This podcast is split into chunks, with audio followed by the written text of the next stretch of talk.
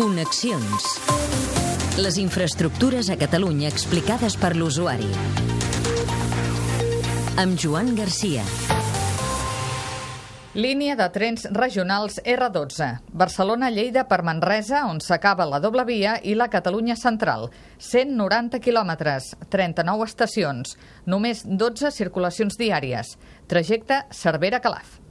Avui tornem a pujar un tren, encara no havíem fet la R12, una línia de regionals que fa més la funció de rodalies entre Barcelona i el Vallès Occidental i el Bages i entre Lleida i l'Urgell i la Sagarra. Som a Cervera, a l'estació hem quedat amb en Marc Celeiro, eh, que és un usuari de la línia. Entrem, de moment veiem que està tancada, per tant anirem cap a, anirem cap a l'andana directament i aquí hi ha un noi... Perdona, ets en Marc? Sí, sóc en Marc. Bona Què tal? tarda. Bé, molt bé, molt bé. Està tancada l'estació. Està tancada. Ja porto uns dies així, però normalment sí que és veritat que hi ha gent, hi ha personal, i per tant el tema de comprar els bitllets i atenció al client, aquí està bé. I aquí hi ha un rètol que diu avís important, avui excepcionalment estació sense personal, sol·liciteu el vostre bitllet a l'interventor en ruta, per tant haurem de comprar dalt. A dalt del tren. Aquí hi ha el quadre d'horaris, eh, de seguida estan vistos, eh? n'hi ha pocs. Sí, sí, es, es fa ràpid, realment, perquè de, de Barcelona a Lleida, eh, diguéssim que només n'hi ha tres, i a la inversa també de Lleida a Barcelona només n'hi ha tres. Aquí un senyor que també us consulta. Sí, sí, sí, també. jo vi- també tinc una casa aquí, jo he vist coses de Cerdanyola, del Vallès. Tinc aquí una casa i d'alguna vegada vinc. Triga una estona, eh, de Cerdanyola aquí, al tren. Dues hores. 100 quilòmetres, dues hores, això és una barbaritat. L'estació, què tal? Bé, el que ens trobem a la nit és que es queda un tren cada nit, diguéssim, perquè el darrer trajecte del dia és Lleida-Cervera i el primer del matí és Cervera-Lleida, i ens trobem que algunes vegades, doncs, al ser una estació sense protecció ni seguretat, ens trobem que els trens es troben grafitats i, per tant, el primer servei no es pot fer. Eh, La veritat és que aquí, eh, la Sagarra, la mobilitat passa més per la 2. Passa per la 2 i en el cas del transport públic clarament amb l'autobús. Realment molta gent que abans anava amb tren ara ha passat a l'autobús realment per les freqüències i el temps de viatge, que és molt millor que el que ofereix el tren. Si hi haguessin més freqüències, la gent creus que tornaria al tren? Segurament eh, sí que és cert que el tros entre Lleida i Cervera guanyaria molts viatgers, jo crec, um, i és per això que reclama, diguéssim, una línia que va de Lleida a Cervera, inversa, que és el que realment els usuaris utilitzen més. L'Hospitalet de Llobregat, via 2. Senyors clients, extremin la precaució abans de creuar les vies. Ja ens arriba el tren. Són puntuals? Som molt puntuals avui.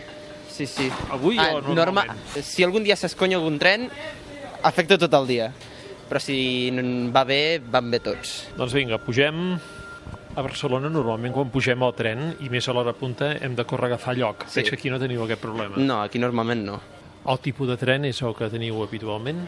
Sí que és veritat que alguns dies tenim el model antic, que el model antic són seients molt durs, i clar, fa que el trajecte, com que normalment són trajectes llargs, es faci una mica pesat i incòmode, però en aquest cas tenim trens nous, seients bons i, i la veritat és que s'agraeix. Hola, buenas tardes. ¿Me permite el billete? Eh, no en tinc.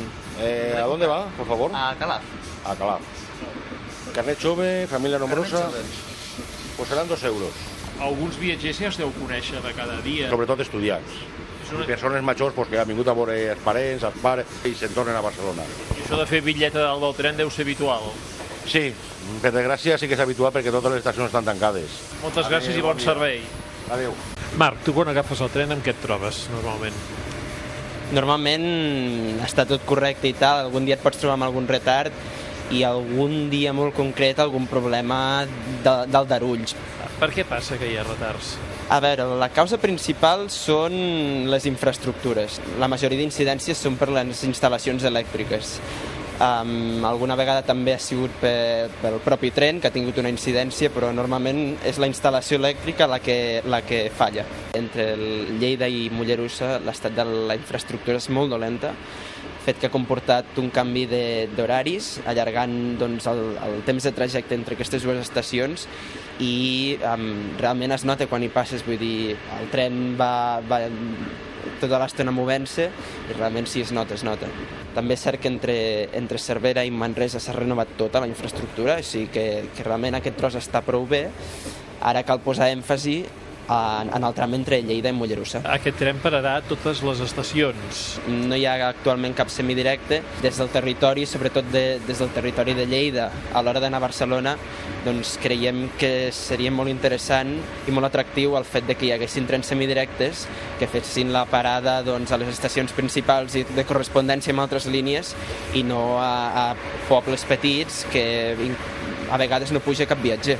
Tu si has d'anar algun dia a Barcelona, què tries? Depèn d'on vulgui anar, perquè clar, l'autobús em, em deixa en determinats llocs i el tren igual. Normalment que agafo l'autobús, per rapidesa, perquè l'autobús tarda una hora i mitja i el tren, doncs, dues hores, dues hores i mitja. Som a punt d'arribar a Calaf, ara el tren s'ha parat. És habitual aquesta parada o és sospitosa? No, és bastant habitual perquè a Calaf es creuen els dos trens. A l'haver-hi via única, doncs sí, aquí és bastant freqüent que hi hagin intervals de, de parada del tren molt grans i sobretot si, si un tren va amb retard, perquè clar, si un va amb retard, l'altre doncs enganxa el retard i, i el retard que, que agafi el, el tren encara és superior. Ara passem per uns turons, a nivell paisatgístic, la línia sí que convida a badar per la finestra.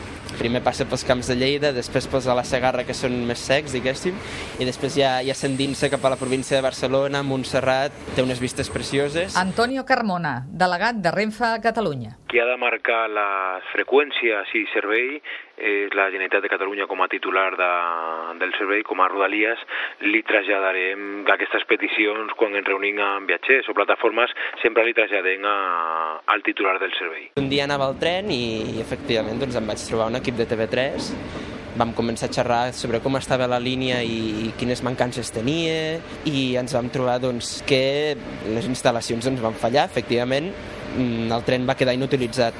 Fet que vam tenir que anar caminant fins a la següent estació era just abans de Sant Pere Sallavinera. Eh, vam haver de caminar amb gent gran i realment doncs, és l'experiència més gran que he patit amb, amb aquesta línia.